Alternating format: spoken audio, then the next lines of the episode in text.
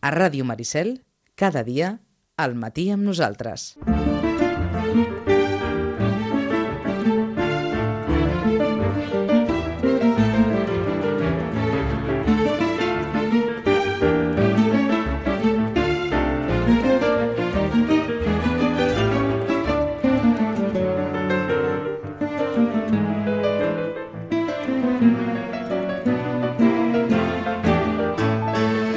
és que Edició 62 ha estat una de les grans, grans, grans editorials que ha donat Catalunya. Com està ara Edició 62 enmig d'un conglomerat d'altres noms, d'altres persones, d'altres interessos. Rosana, bon dia, bona hora. Hola, molt bon dia. On està ara Edició 62? Com a mínim liderant, perquè es diu grup 62. Ahà. Per tant, com a mínim tenim això, no? Que com a mínim lideren en el, en el sentit de que com a, eh, suposo que s'ha apostat també per un de, com tu deies, no? Un dels grans noms de, de, de l'edició i per tant eh, s'ha escollit aquest nom per aglutinar tots els altres. Mm. És, és cert que estan tots en un edifici que es va que es va dir que era d'edició 62 i que allà han anat a parar tota la resta d'editors també. Mm, La resta d'editors són, per exemple... Mm, per exemple, columna, és que dintre del grup 62 hi ha columna, hi ha proa, hi ha un... Qui més hi ha? Uf, eh, ara em costaria eh, dir-los tots, perquè és que n'hi ha un munt, hi ha la, tota la, la galera, tot és un conglomerat de, d'editors, sí. Mm. Um, per tant, ho han sabut fer bé. Sí, jo crec que sí, sí, sí. El que passa que, bueno, els temps marquen també i s'ha decidit que tots siguin, no?, un grup, no?, i te'n recordes que va haver aquell pas de que eh, tot el tema enciclopèdia catalana, Sí. aquests es van ajuntar i ara són tot no, un mateix grup, eh? en el sentit de- d'edició, eh? I sí que és veritat que, bé, que continuen una tasca en diferents segells, però és grup 62, eh? Amb algunes aportacions, és clar, al llarg d'aquests 50 anys, no cal ni dir-ho, no? Mm, molt bones, eh? molt bones i realment la, la reedició de nosaltres els, els valencians i bé, eh, el que passa que hem perdut algunes, eh, algunes col·leccions emblemàtiques en el pas del temps, no? per exemple la cua de palla, no? Mm. l'hem anada perdent. Aquells llibres Eh. grocs que tantes persones recordaven, eh? Eh? Els Sí, llibres aquests grocs que tantes persones tan recordaven. No? Uh, això no vol dir que no tinguem els llibres, sí, els tenim en altres col·leccions. Uh, potser el, el, el, la gran, el gran malson de, dels llibreters sempre és que, que ens canvien les col·leccions, que llavors potser, saps, és difícil trobar el títol perquè tu l'estàs demanant d'una col·lecció i resulta que eres d'una altra. Mm -hmm. Eh, tot aquest tema de base de dades és potser el més, el més punyent per nosaltres, perquè al final resulta que hi ha cinc jocs bruts, Sí. diguéssim, cinc edicions Sí, diferents, sí, sí, sí. I, i tenen unes quantes de, de cada i tu l'estàs demanant del que no en tenen, eh, però vaja, això ho tenim en vies de solució també, eh? però clar, sí que és, no sé, jo com a com a segell, allò que vas mirant a les teves estanteries també és això, no? Eh? Grup 62, 62, 62, que, que va canviant, no? I el, el logo apenas ha canviat, però sí que sí que va canviant, el Mhm. valencí, la col·lecció del valencí ha anat canviant el logo, però s'ha mantingut i hi ha moltes col·leccions que s'han mantingut al, al llarg d'aquests 50 anys. A hores d'ara seria des de fa temps el principal grup d'edició en català? Sí, Sí. sí, sens dubte, sens dubte. Eh? Sí, sí, és el, el gran grup, eh? El gran grup, sí. Eh, de fet, eh, tret d'això, doncs, el que hi ha són segells independents. Llavors, clar, eh? Calés Mm. Crema... Clar, tots són independents, llavors. D'acord. Creus que sigui... que estan fent incursions, eh, per exemple, el Faguara que està fent incursions en el català, que també s'ha de reconèixer que sí. Mm, Vaja. Sí, sí, sí, sí, sí, està... Els seus grans èxits, diguéssim, els posa en català, eh, per exemple, la Kate Morton, amb el Jardí Oblidat, ara la novetat de la Kate Morton també la traurà en català i castellà alhora, eh, ha fet un pas posant-nos un llibre de fantasia en català, el, lli- llibre de fantasia més venut, el, eh, el de Joc de Trons, ha tret ja el primer volum, Joc de Trons i Joc de Reis, eh, amb res, i, està, i, i ha pensat treure els tres següents, és a dir, que té la voluntat de fer edició en català, i això és bo, també. Mm. Eh, em, em, Me'n vaig lluny d'aquesta qüestió. eh, um, fa temps que um, Lucía Echevarría no estava a la primera pàgina de l'actualitat o no? Bueno, Lucía Echevarría sempre vol estar a primera pàgina de l'actualitat o fa una cosa. Eh? Somriu la Rosana perquè arran de, del darrer llibre de Lucía Echevarría eh, bé, s'han obert molts debats i ella mateixa ha obert un, un debat gairebé personal a, a l'entorn de, de la pirateria eh, editorial, per, per dir-ho així, encapçalant gairebé un, un, una mena de, de manifest amb, amb veu alta eh, carregant-se aquelles persones que van descarregar el seu llibre eh, a dos dies de, de ser editat i que li han enfonsat l'edició, segons ella, eh, dit d'aquesta forma. Per això em preguntava si d'alguna manera, eh, eh, a part de poder deixar la reflexió sobre, sobre això de la pirateria eh, editorial, si feia temps que no es parlava de Lucía Echevarría i si eh, això haurà servit per les dues coses a la vegada. Mm, sí, ja saps que ella si no, sempre, quan, quan jo, jo és que recordo quan, quan va fer, te'n recordes que hi havia Premi Planet i finalista que, que va ser conjuntament amb Ferran Torrent? Sí. Jo recordo que en aquell moment, vull dir, saps allò... Bé, de fet, ella ja quan va guanyar el Nadal, em sembla que va ser el primer premi així que va guanyar, em sembla que era el Nadal, així, premi important, i ja també va ser espectacular, ja va anar... Ja va ser una ja va anar així de manera espectacular amb un premi que és més aviat, ja ho saps, més aviat doncs, eh, bastant recatat, sí. bastant, bastant clàssic, no? I, I ja va anar eh, d'una manera molt espectacular per crear doncs, polèmica, no? Tots els seus llibres, de fet, en un moment donat, ella intenta doncs, no? que siguin allò, portada de diaris per alguna cosa, en el sentit, no portada, sinó, bueno, com a mínim que siguin eh, comentats, eh?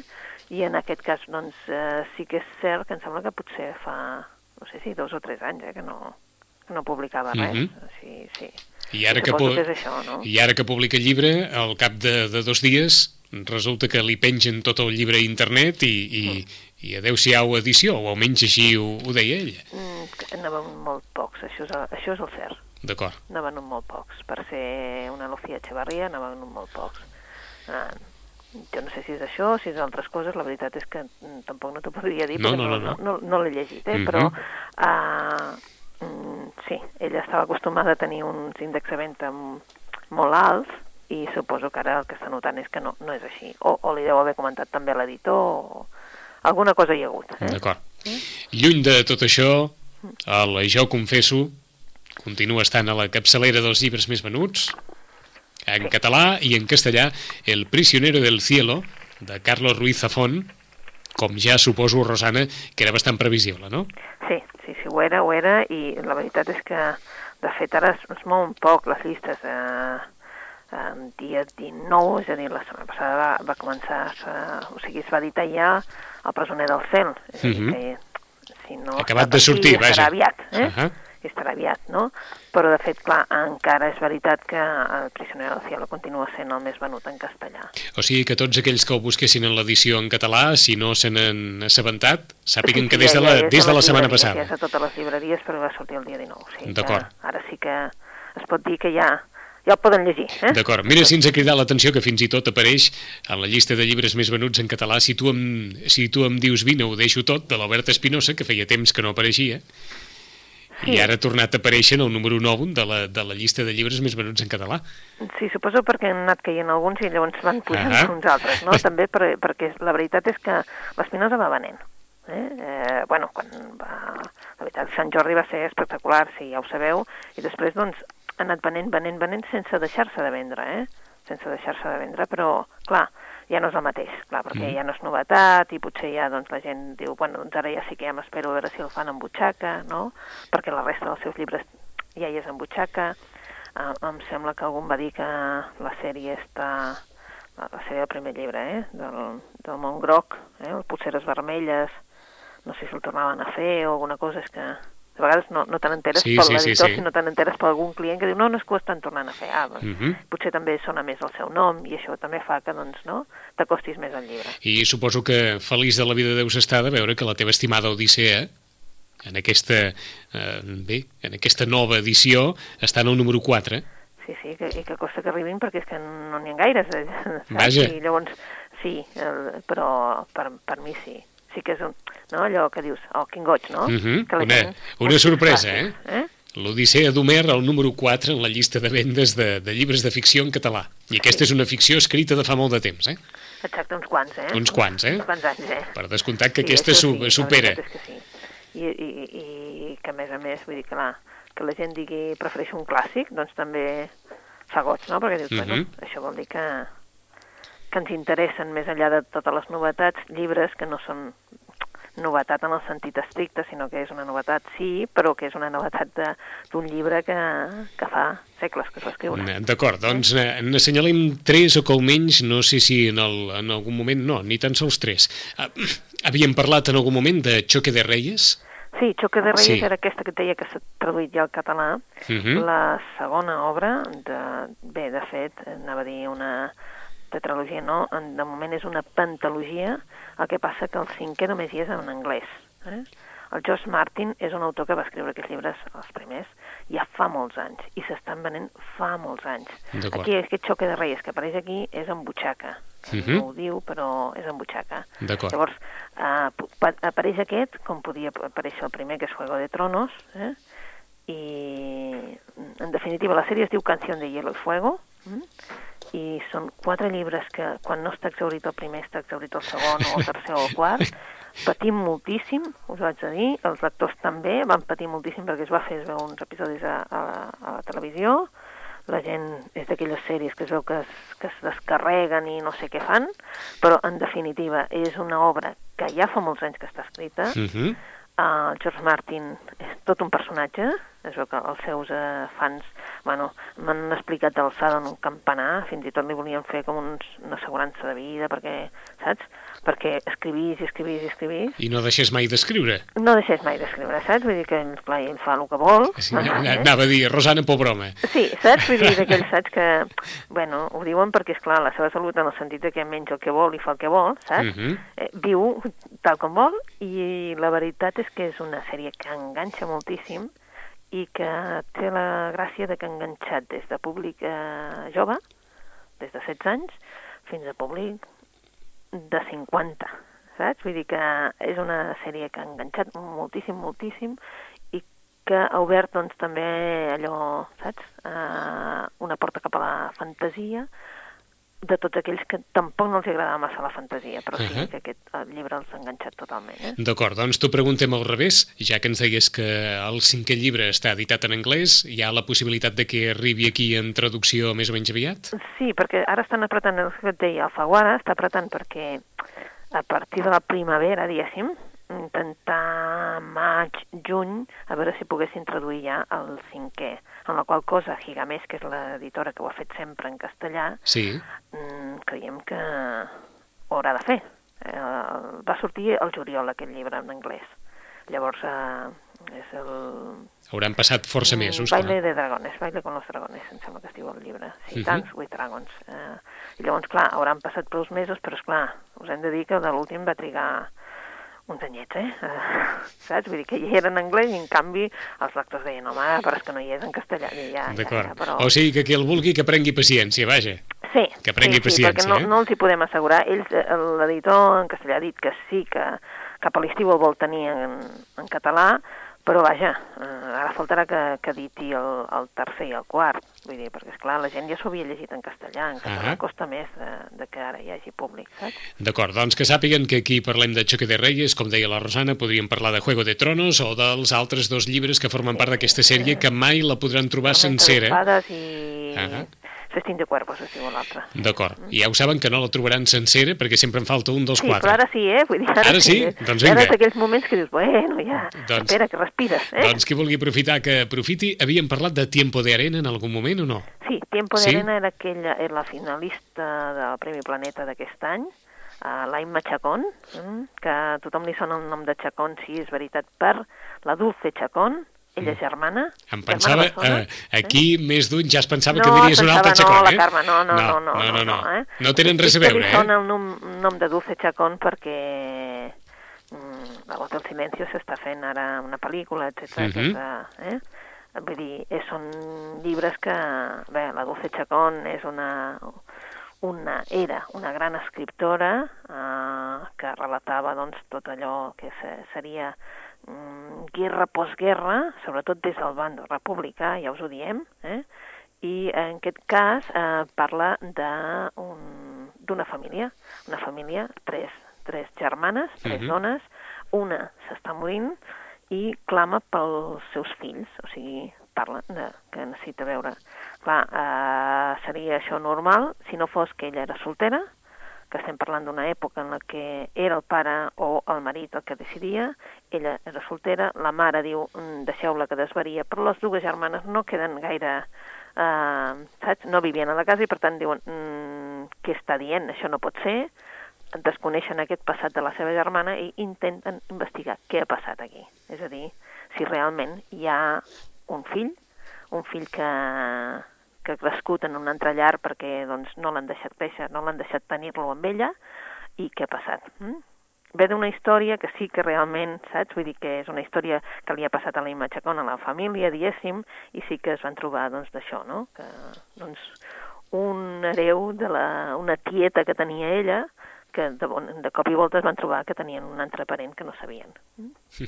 I això és una història, és una història preciosa, una història de dones. Eh? Doncs Dimma Chacón, Tiempo de Arena, una de les recomanacions que ja hi podem afegir, però anem a afegir-ne algunes d'altres que ens vulgui donar la Rosana, tot i que ens ha cridat molt l'atenció també en els llibres de no ficció, en els llibres d'assaig en català, primera posició és que en dies com aquests i en èpoques com aquestes de Rafael Sant Andreu, editat per Cossetània, l'art de no amargar-se la vida, en català i en castellà. Sí, sí, sí, perquè és que la gent no ha decidit que no, no cal amargar-se-la. Eh? D'acord, o sigui que si algú vol una mica d'autoajuda, eh? eh? claus per relativitzar els obstacles i les pors i ser fort psicològicament. L'art de no amargar-se la vida.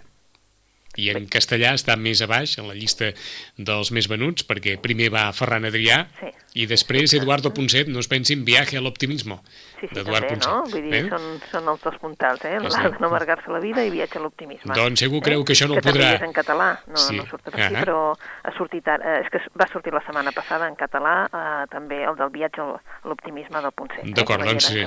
doncs segur creu que això no ho podrà aguantar, l'art de no amargar-se la vida i a veure què, què passa i a veure si el llibre els, eh, els serveix. Recomanacions, Rosana, per on comencem? Doncs mira, ve, ve la Setmana Negra, la Setmana Negra a Barcelona, sabeu que es porten autors de novel·la negra, i, és clar, doncs, edició 62, ja que començàvem edició 62, uh -huh. ha fet el pas de, de, de publicar-nos què? Doncs una autora que ells tenen i que eh, té un munt de, de lectors, de seguidors. Se n'anem cap a Venècia. I si anem cap a Venècia anem de la mà de Dona León. Eh? El títol en català es diu Carn de canó. En castellà s'ha traduït amb un altre títol i es diu La palabra se hizo carne. Eh? Mm. Ho dic perquè no penseu que en teniu dos, sinó simplement n'hi ha un, és Carn de Canó i la paraula de Cizo Carne, el mateix títol, i ens parla de, una altra vegada, evidentment, de, del comissari Brunetti, i ens porta a una Venècia en el que, eh, bé, eh, ens trobem amb un cos d'un home eh, que ha aparegut, doncs, la marea l'ha portat i llavors ha aparegut doncs, un, un home desfigurat, sense cartera, eh, la veritat és que resulta que només li troben una sabata i, esclar, eh, no saben ben bé qui pot ser aquesta persona. Uh, llavors, clar, uh, Brunetti s'ho veu, la veritat, molt negra per saber qui carai pot ser, malgrat que aquells ulls blaus li recorden algú, però no, evidentment, no, com que està molt desfigurat, no saben qui és. Eh? Uh, tot uh, costa una mica perquè no hi ha cap denúncia de cap desaparició, Um, tampoc no ha desaparegut cap turista. Um, clar, um, on està l'escena del crim, no saben com ha aparegut aquest senyor, és a dir, que com que l'ha portat la marea, evidentment no saben res. Eh? Um, L'únic que després al fer el forense eh, el que investiga és que aquest senyor pateix una malaltia. Llavors, a partir d'aquí serà l'única pista que tenen ells, eh? una estranya malaltia. Uh, clar, el comissari Brunetti, a més a més, a casa seva, ja sabem que el comissari Brunetti doncs, té que pertany a una família benestant de la seva dona, eh? una família benestant de Venècia, etc. Té una família estable, té un fill i una filla, i doncs a casa ara se'ls ha donat per no menjar carn. Eh? Uh, I sobretot per estar a favor dels drets dels animals i tot això. aquesta estranya malaltia d'aquest cos el porta amb ell cap a, a la, la illa de Mestre, eh? al costat de, doncs, que ell no hi està acostumat a anar-hi gaire en els seus casos, però sí que en aquest cas se'n va cap a l'illa de Mestre perquè allà hi ha l'escorxador. -hmm. A partir d'aquí veuran, eh, perquè el, la pista, l'única pista que tenen d'aquesta malaltia els porta cap a aquest escorxador, l'escorxador de Preganciolo, que allà, en, clar, doncs hauran de trobar, esbrinar, ajudar-los entre uns uns i els altres per veure com pot, en aquest cas, saber qui carai és aquesta persona que els hi ha aparegut. Mm? És un altre episodi més de les novel·les de la, de la Dona Leon, que, clar, només de la portada de, de català, tu el que tens és ganes d'anar a Venècia, sigui per ajudar al comissari Brunetti o no, però tu el que tens ganes és d'anar a Venècia. Versió catalana carn de canó, versió castellana la palabra si hizo carne. Estàvem també intrigats per saber el títol original en italià, perquè, és clar no té res a veure una cosa amb l'altra. Doncs, ui, ho, eh? pronunciaria malament. No perquè, passa res, no passa eh? res. Però la palabra si hizo carne però per saber quin dels dos s'ajusta més al, al Clar, títol bueno, original, no, oi? Recorda que eh, ell escriu en anglès, eh? Ah, d'acord. Beasley Things. Mm. Mm? Doncs que... no sembla que ni un ni l'altre, no? bueno, ja saps que... Eh? No ho sembla, no ho sembla. Bé. Tradutore, traditore. Eh? D'acord, doncs de Dona León, carn de canó, o la palabra Sizo Carne, la història, una altra història del comissari Brunetti a Venècia a partir d'aquest cadàver, d'aquest home desfigurat, del qual se'n desconeix l'identitat, però només se'n sap que estava malalt. A partir d'aquí... Després, un altre, un Vinga. altre, donat que, que venen els, eh, eh, els autors de novel·la negra, se'ns se presenta aquí un gener negre, eh? Uh, un autor que ve de Dinamarca. Uh, és la tercera novel·la que es publica. La primera no, no va tenir gaire èxit, jo reconec que va ser que l'editor ens va dir, escolteu, llegiu-se-la, la vam llegir i la veritat és que l'estem recomanant. Um, us parlem d'un autor que es diu Jussi Adler Olsen, eh? i fa un, uns casos en, del departament Q, se'l coneix com el departament Q. El Jussi Adler Olsen, eh, la veritat és que entreté moltíssim, ja us ho dic ara, i el, el primer va ser La mujer que arañava les paredes, només està escrit en castellà, això sí que us ho diem, només traduït al castellà. El segon era Los chicos que cayeron en la trampa, i ara ens arriba un títol que es diu Mensaje que llegó en una botella. Uh, aprofita l'editor per ja publicar, ja té la, la primera, ja la tenia publicada en butxaca i llavors publica la segona en butxaca i aquesta que és la novetat, no? Mensaje que llegó en una botella tornarà a ser un cas pel, pel departament Q, el departament Q és el Cal Morg, eh? i el seu company, un company que és l'Assat, i una noia que és la Rose, eh? La veritat és que quan llegim el llibre rius molt de qui és l'Assad i qui és la Rose, però la Rose és una gòtica d'aquelles que fa el que vol en el moment que vol. L'Assad és el company aquell grossot, gran, mm, que no diries mai que és un ajudant de policia, però ho és i a més a més ajuda moltíssim a desxifrar tots els casos, però i el Cal Molc eh, intenta fer el que vol en un, saps, en, dintre del departament de policia, convencent el jefe jefe eh, de que, bé, de que ell pot solventar-ho. Uh, són dos joves, dos joves que desapareixen sense deixar cap rastre i la veritat és que torna a ser un cas una mica com ningú no ha denunciat la seva desaparició. Mm? Què passa?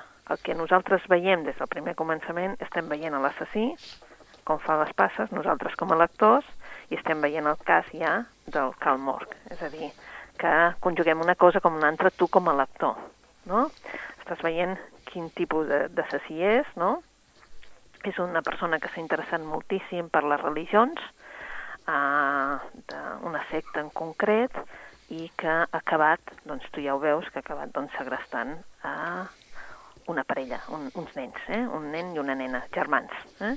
Evidentment són famílies d'aquelles que en tenen molts de fills, que creuen molt en la religió, que estan molt implicats en les congregacions i el que no se sap és per què no es va denunciar la desaparició d'aquests dos nens. Alhora veus que aquest assassí també té família i veus una cosa i una altra i estàs totalment tens tota l'estona. Per què diu el missatge que llegó en una botella? Perquè en realitat el cas li arriba amb el, amb el policia uh, perquè hi ha hagut una botella que va recollir, li van donar uns mariners, li van donar amb un policia en concret, aquest policia mora, la botella es queda a la comissaria, de la comissaria l'agafa una investigadora, que va separar a Escòcia i després torna cap a Copenhague. Uh, és una botella en què hi ha un missatge, un missatge escrit amb sang. A partir d'aquí, el missatge que llegó en una botella. Eh, ens promets que qui llegeixi s'ho passarà bé, eh? Sí, s'ho passarà bé, sí, sí, sí. Sembla una mica horrorós, Ah, ah. terrorífic, sí, us ho reconec. D'acord, d'acord. Però eh, és carinyo. novel·la negra. D'acord. L'únic que la gent diu, home, una mica sang i fetge, sí, però no, no, no, la veritat és que fins i tot jo, que sóc una mica així, saps això, no m'agraden gaire aquestes coses, la veritat, ni que siguin una novel·la, ni amb una sèrie, Mhm. mm, sí, D'acord, és a dir que no, que no hi hagi massa, que eh? no hi hagi massa prevenció, que s'ho passaran molt bé, Sí, eh? sí, és molt entretinguda, eh? Men- La veritat és que, clar, tu vas veient perquè, clar, és un missatge, sí, però, clar, tot seria molt fàcil si el missatge s'hagués pogut llegir. Mhm. La gràcia és que, evidentment, el, va, eh, saps, el, el vapor i tal, doncs l'ha anat eh, desfigurant i tu no ho acabes de llegir. Llavors ells ara, a més a més, està escrit en una altra llengua en la qual cosa ells han d'averiguar d'on ve aquest missatge, eh? pensem que estem a la part de, al nord d'Europa, eh? diverses llengües en, en, en contacte, eh, a veure de quina és. Mm? Ujú. El mensaje que llegó en una botella de Jussi Adley Olsen, la tercera novel·la, i, com ens diu la Rosana, no s'espantin per la trama ni, pel, ni per algunes de les escenes, perquè s'ho passaran molt bé. Tenim temps per una recomanació més, Rosana. Pues per una que no té res a veure, ja diré, que, que canviem de registre, eh? no té res a veure ni novel·la policiaca, uh, no té res a veure amb res de tot això que hem estat parlant avui, sinó que és una novel·la que no, no, no és novel·la, perdoneu, és un llibre que va a cavall entre la narració, la biografia, la ficció, la no ficció, es diu Paseos con mi madre. No és ben bé novetat, ja va sortir, però és que ara ha sortit la segona edició i és d'aquells llibres que el que li agrada i la literatura no se l'hauria de perdre. Uh -huh. Uh, està molt ben escrit. La veritat és que el Javier Pérez Andújar ja ens va començar amb una novel·la que es deia Los príncipes valientes, ens parlava, en definitiva, de- d'una infantesa. Uh, després va escriure Todo lo que se llevó el diablo, també una altra novel·la, i ara, eh, bueno, segurament la gent el reconeixerà com a, perquè havia col·laborat molt amb els programes del Manzano, eh? Mm, al 33, i en altres tertúlies hi ha estat, tertúlies literàries sempre, i ara aquest Paseos con mi madre ens parla d'unes trobades entre, diguéssim, una passejada eh, eh, totalment literària que fa amb la seva mare. Trobades de, amb personatges, trobades no trobades, és a dir, eh, paisatges perduts, paisatges retrobats però completament diferents a lo que tu esperes i en definitiva ell mateix, que ell ja no és ell, ni la gent veu a qui ha de veure, sinó que veuen eh, algú que creuen conèixer. És un llibre preciós, preciós. Uh, L'únic que a mi se m'ha fet estrany, suposo perquè tots parlem de Sant Adrià del Besòs, eh? i aquí ell sempre diu Sant Adrián, en castellà, eh? perquè ell realment ho va conèixer com a Sant Adrián. És també aquella sensació d'algú que ha vingut d'un altre lloc, que són emigrants, Uh -huh. com ell diu, ningú no és d'un lloc fins que tots els seus ancestres ho són. Torni? Ningú no és no d'un és lloc? d'un lloc fins que tots els seus ancestres ho són, és a dir, Uh -huh. que no se'l, ell no se'l considera de Sant Adrià, eh? perquè els seus pares no ho són, em són vinguts a Granada, eh? i en definitiva és aquella sensació d'ell quan és petit, que, té, que mira i veu doncs, la Sagrada Família, però la Sagrada Família no li és, no és el seu paisatge, vale? perquè no pertany ell encara a Catalunya, vale? perquè no el deixen pertànyer, eh? Dir, Ahà. sempre serà un, un nouvingut, Sí, que ara sí. Va- un vols terme molt maco, que és nouvingut. D'acord, vols dir que la frase no respon a la seva convicció personal, sinó a l'experiència de vida. Exacte. Vull dir, clar, Mm. perquè en un moment donat, sobretot, eh, ¿qué haces tú desde San Adrián? ¿Qué haces entonces en Barcelona? Sería la pregunta. eh? Ahà. ¿Qué haces entonces en Barcelona? I aquest entonces, mm, volem dir, ei, tu no ets ni de Barcelona, ets de Sant Adrià, doncs vés-te'n a Sant Adrià, no? una pregunta de la policia, eh? Doncs cap a Sant Adrià, com si Sant Adrià fos... Fos un altre món, sí, sí. Fos un altre món, vale? I hi hagués una frontera, una frontera que s'ha obligat. Qui és, eh, i diu, i ell ensenyava el, el, la cosa més preuada que tenia. Què portava? La carpeta de punts de la facultat. Eh? Llavors, mm, és tot un món, no?, que ell interioritza, que diu, bueno, eh, quins personatges retroba? Retroba personatges que coneixia, però que ara, evidentment, ja desconeixen perquè ja no formen part del seu paisatge, no? Tota aquella gent que, doncs, eh, imagineu-se, eh, Sant Adrià, el Besòs, la Mina, sí? Doncs gent que en aquell moment havien format part de, diguéssim, de gent que jugava al carrer, hm? Ara poden ser gent que, evidentment, doncs, que ha agafat un altre camí, el camí de, de la marginació social, i es coneixen, diguéssim, de fisonomia, però es desconeixen totalment com a persones, quan possiblement havien jugat junts quan eren petits. Uh -huh. Vaja, és, una, eh, una història que presenta moltes reflexions, eh, també. Sí, sí, sí, però quan llegeixes eh, té un to de aquell to en foteta, que jo crec que és nostre, eh? és molt català, no? de, bueno, quan, evidentment, quan ell es mira el que s'ha fet a Barcelona, clar, vull dir, és una Barcelona totalment diferent, no? Sobretot aquella zona que s'ha obert al mar, vull dir que, no?